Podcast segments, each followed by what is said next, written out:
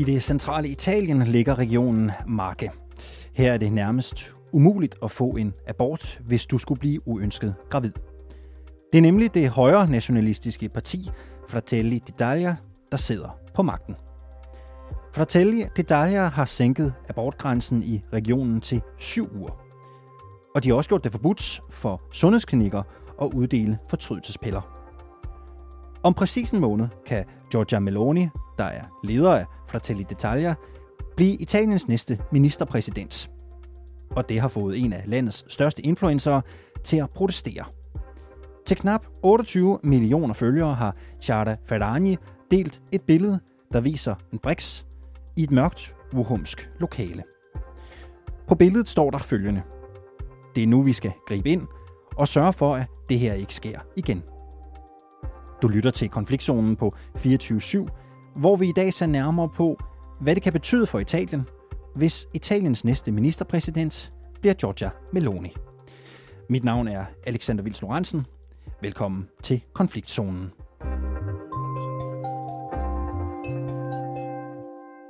Et nederlag. De ord har Giorgia Meloni brugt til at beskrive sin holdning til abort. Hun står som sagt i spidsen for Fratelli d'Italia, der på dansk hedder De Italienske Brødre. Og så fører hun lige nu i meningsmålingerne om at blive Italiens første kvindelige ministerpræsident. Martin Bjørke, godmorgen. Godmorgen. Du er europakorrespondent for politikken, og du er bosat i Como i Italien. Hvorfor er Giorgia Meloni imod fri abort? Giorgia Meloni og, og de italienske brødre, de, øh, det er et parti, hvis værdipolitik er, er ultrakonservativ. Melonis motto, det er, og det hører man hende ofte sige, Gud, familie og fædreland. Og i det, der ligger, at man skal følge den katolske kirkes værdier, og kirken ser abort som en synd, fordi et alt liv er guddommeligt og starter jo allerede ifølge øh, den katolske kirke ved undfangelsen. Og, og familie og fædreland betyder, at øh, i det, der ligger beskyttelsen af den traditionelle familiekonstellation med mor og far, der forplanter sig og gør fædrelandet stærkt. Og ved at omfavne det konservative katolske livssyn, så appellerer Meloni også til det vælgersegment i Italien, som jo ikke er helt ubetydeligt. Så en politiker, der forsvarer familien og står op for de klassiske konservative katolske dyder. Øh, kvinder i Italien har i over 40 år kunne få abort. Hvis øh, for at tale detaljer med Meloni i spidsen vinder valget om en måned, hvad vil de så gøre med abortlovgivningen helt konkret? Det er der jo ikke rigtig nogen, der ved nu. Øh, men altså, man kan måske se konturerne af, hvad der kunne være på tegnebrættet, hvis man kigger på, hvad der foregår i markeregionen, som du lige har nævnt selv. Øh, der er guvernøren fra de italienske brødre, øh, øh, og, og Marke øh, bliver ligesom omtalt som sådan et, en, en prøveklod for, for, for fremtidens øh, politik for de italienske brødre. Og de har været meget fremme på, på abortområdet. Øhm, et af de første skridt, de, de har taget der i, i forhold til at, at, at ændre på abortlov, da de har valgt ikke at, at anvende en tilladelse, som Sundhedsministeriet har givet øh, til regionerne, som styrer sundhedsvæsenet øh, i, i Italien. Øhm, øh, altså ikke at anvende en tilladelse, øh, hvor sundhedsklinikker og ikke kun hospitaler kunne få lov til at give øh, fortrydelsespiller altså, og, og abortpille. Øhm, og, og, og der har man også set, altså, at, at de også har sænket øh, grænsen for, hvornår øh, man er berettiget til medicinsk abort. Øh, altså, der er sat ned til syv uger.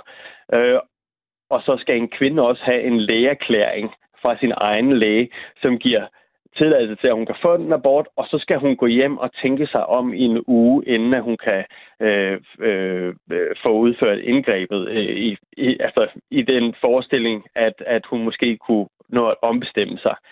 Øh, desuden så vil guvernøren i Marke øh, også have anti-abortaktivister øh, til at arbejde i familierådgivningsklinikker.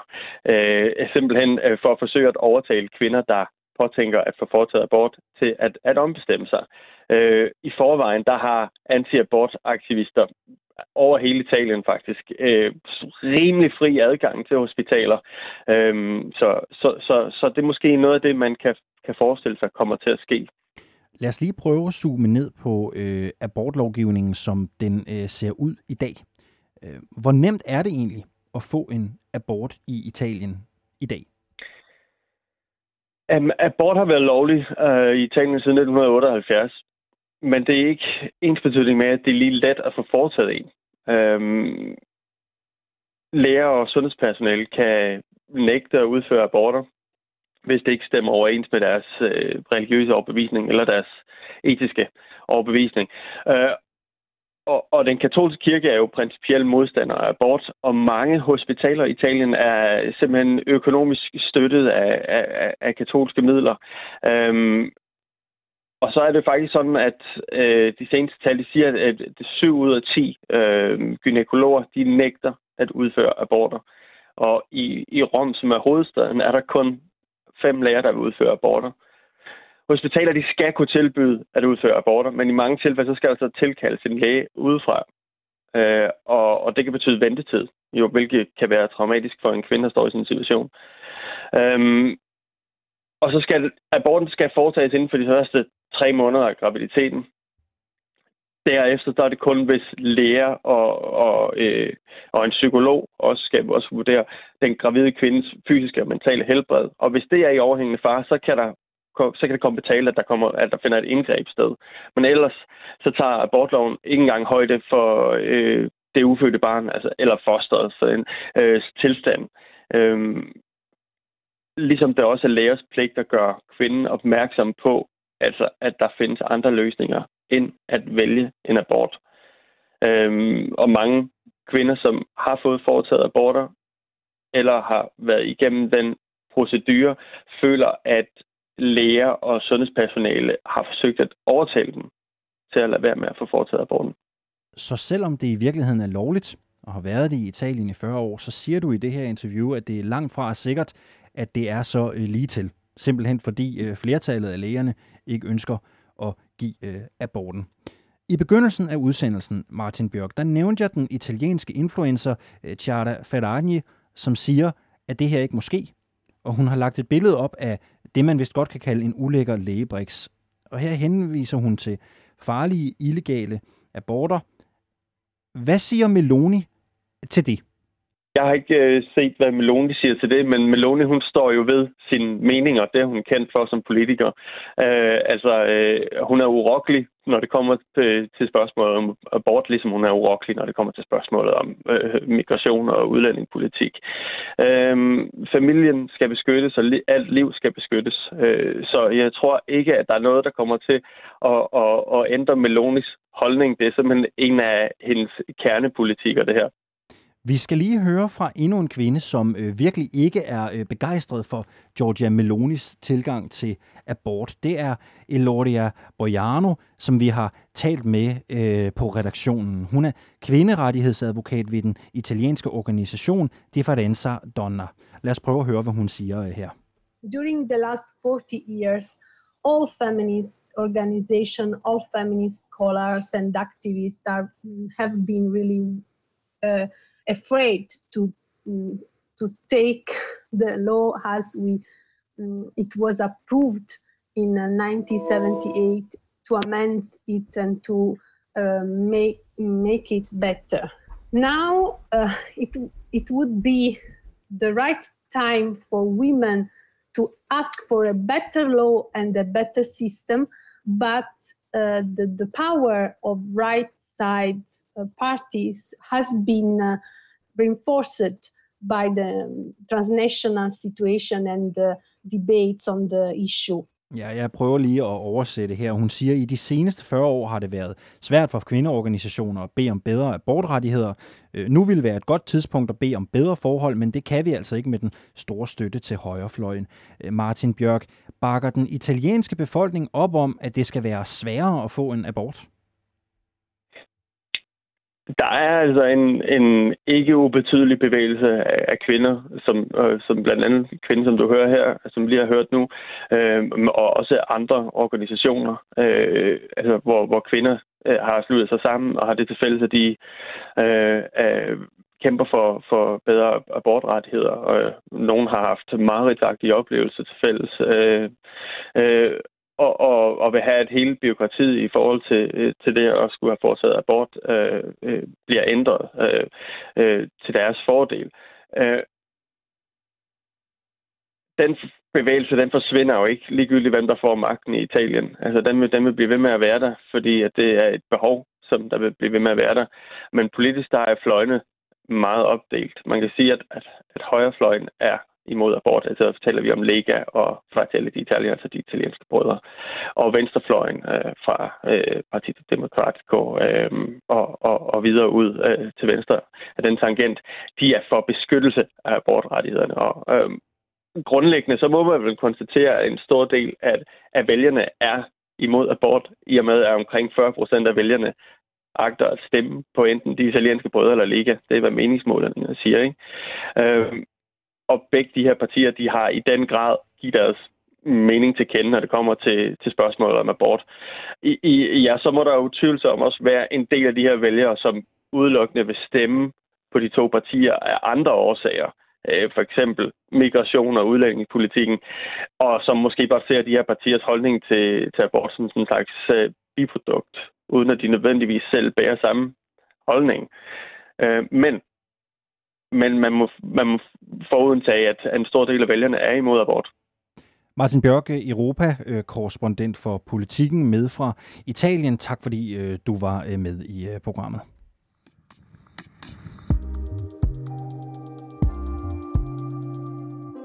Og så velkommen til dig, Alberte Bovirud. Tak skal du have. Du er Ph.D.-studerende ved Dansk Institut for Internationale Studier, og her forsker du i italienske højrefløjspolitikere. Nu har vi hørt om øh, Giorgia Melonis abortmodstand, men hvad er det ellers for nogle øh, politiske værdier, som øh, hendes parti, øh, Fratelli d'Italia, står for?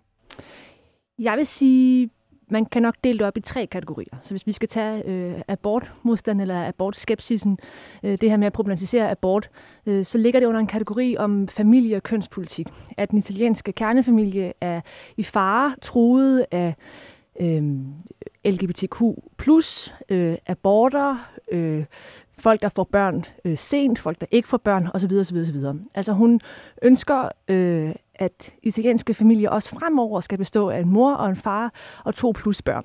Og det er også noget, man sammenholder, eller som hun sammenholder, med de dalende fødselstal i Italien. Så det er ligesom det ene punkt. Det andet punkt, det er så også noget, der i, en eller anden, i et eller andet omfang relaterer sig til det, nemlig migrations- og flygtningespørgsmålet.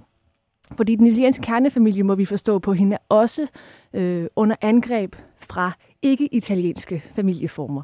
Herunder øh, dem, som kommer til Italien fra øh, fortrinsvis Afrika og Mellemøsten. Så på det punkt, der vil hun gerne, har hun talt øh, om at gå så vidt som at skabe en blokade af de, af de italienske havne, så flygtninge og migranter ikke fremover kan ligge til i både. Og det sidste punkt, som så er værd at nævne, fordi det fylder rigtig meget i valgkampen, og det fylder også rigtig meget i valgkampen på grund af øh, den stigende inflation, øh, det er, at hun og hendes koalitionspartnere gerne rent praktisk vil sætte flere penge i hænderne og i lommerne på, de, på italienerne.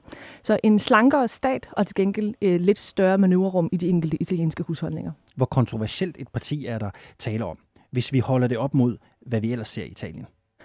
Ja, lige præcis, når man holder op mod, hvad vi ellers ser i Italien, så er det nemlig ikke så sindssygt kontroversielt. Og partiet er også langt mindre kontroversielt i dag, end det eksempelvis var for bare 10 eller 30 år siden. Men det er et kontroversielt parti, og det er det i høj grad på grund af sin historik, øh, som kan spores fuldstændig i en øh, øh, simpel linje tilbage til øh, fascistpartiet i, fra, fra 2. verdenskrig. Og sidenhen så er der selvfølgelig så er sket alle mulige interne øh, kampe og opgør i partiet. De har forsøgt at, at lægge deres øh, profil i lidt andre folder, men alligevel så har de et ønske om fortsat at appellere til en vælgergruppe, der er nostalgiske eller så skar sympatiske over for fascisttiden. Så selvom de ikke længere betegner sig som fascister, så gør de altså, hvad de kan for i et eller andet omfang at vedligeholde den vælgergruppe, der ikke betragter det som problematisk at have et tæt forhold til fascismen er Giorgia Meloni fascist, fordi modstanderne, hendes politiske modstandere, klandrer hende jo for det. Hvad siger du? Ja, det er også en stor diskussion, og jeg må også gøre opmærksom på, at det er min egen holdning, for det er virkelig noget, at man diskuterer internt i den akademiske verden også. Jeg mener ikke, hun er fascist. Det er i høj grad også, fordi ordet fascist er simpelthen så vanskeligt appliceret øhm, nu om dage, fordi det er så politisk lavet. Altså når det bliver en politisk knytnæve, som man putter på sine politiske modstandere, så mister det noget af sin teoretiske vægt. Men jeg mener ikke, hun er fascist, og det mener jeg af flere grunde. Øh, først og fremmest, altså det har noget at gøre med, hvordan jeg udlægger ikke bare hendes politik, men i høj grad også fascismen.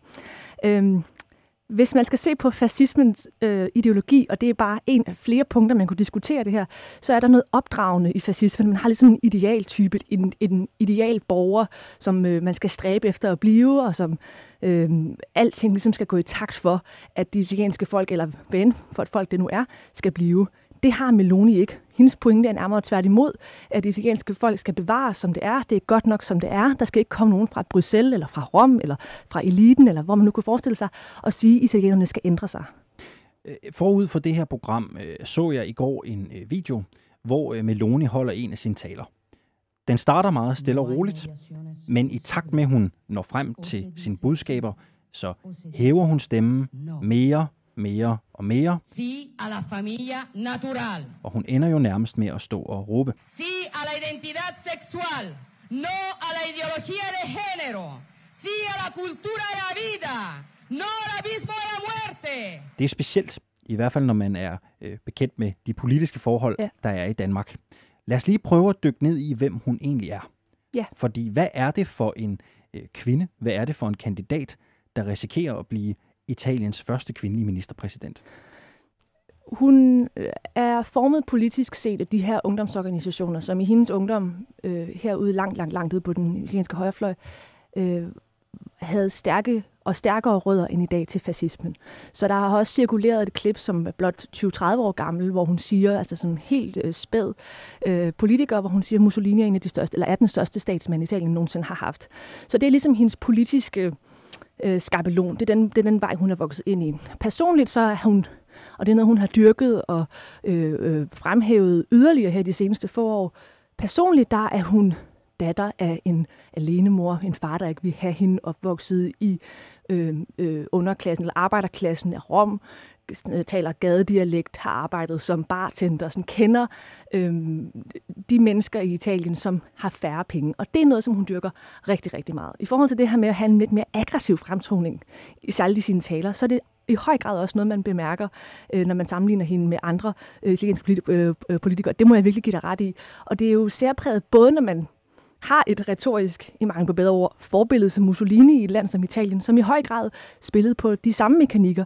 Men det er også i øjnefaldene, og i hvert fald i en italiensk kontekst, når man kigger på, at hun er kvinde.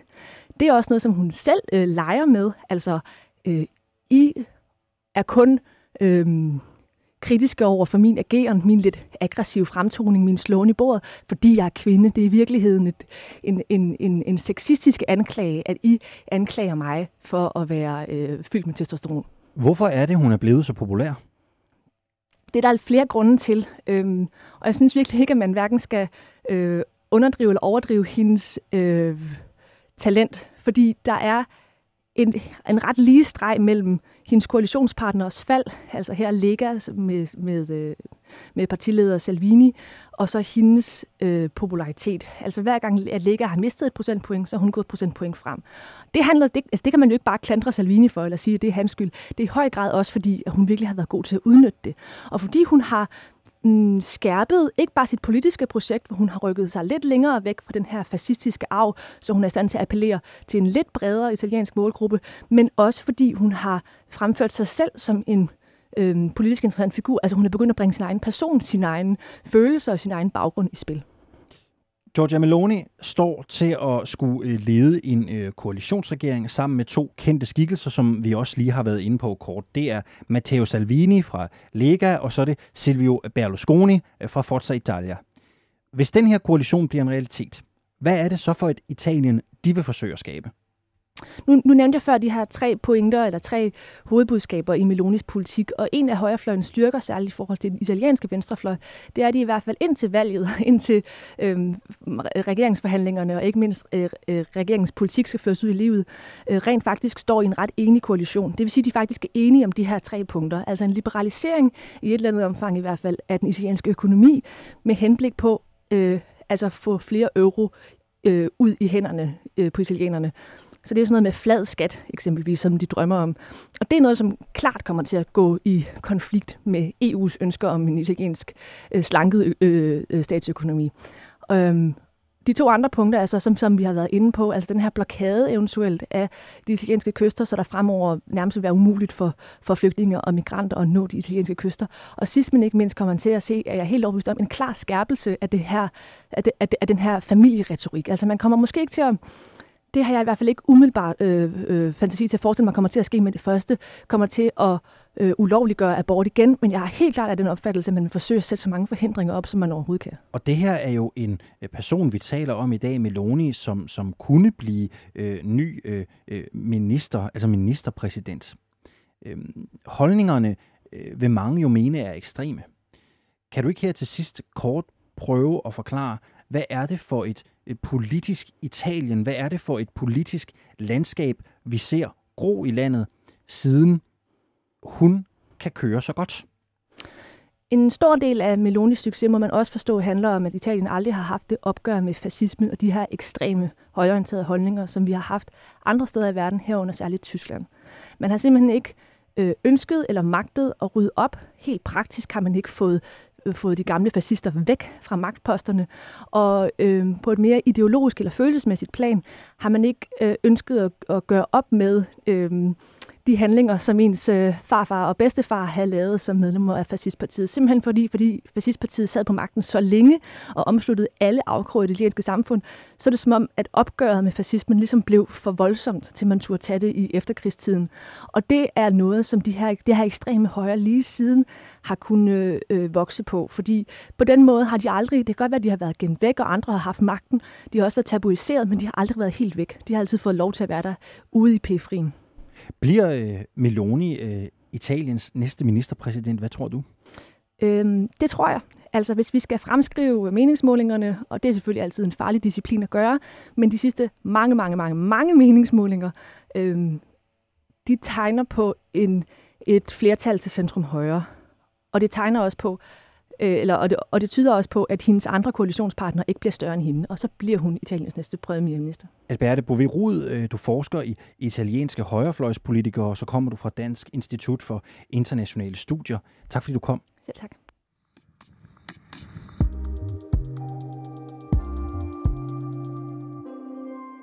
Du har lyttet til dagens afsnit af Konfliktzonen, 24-7's nye udlandsmagasin.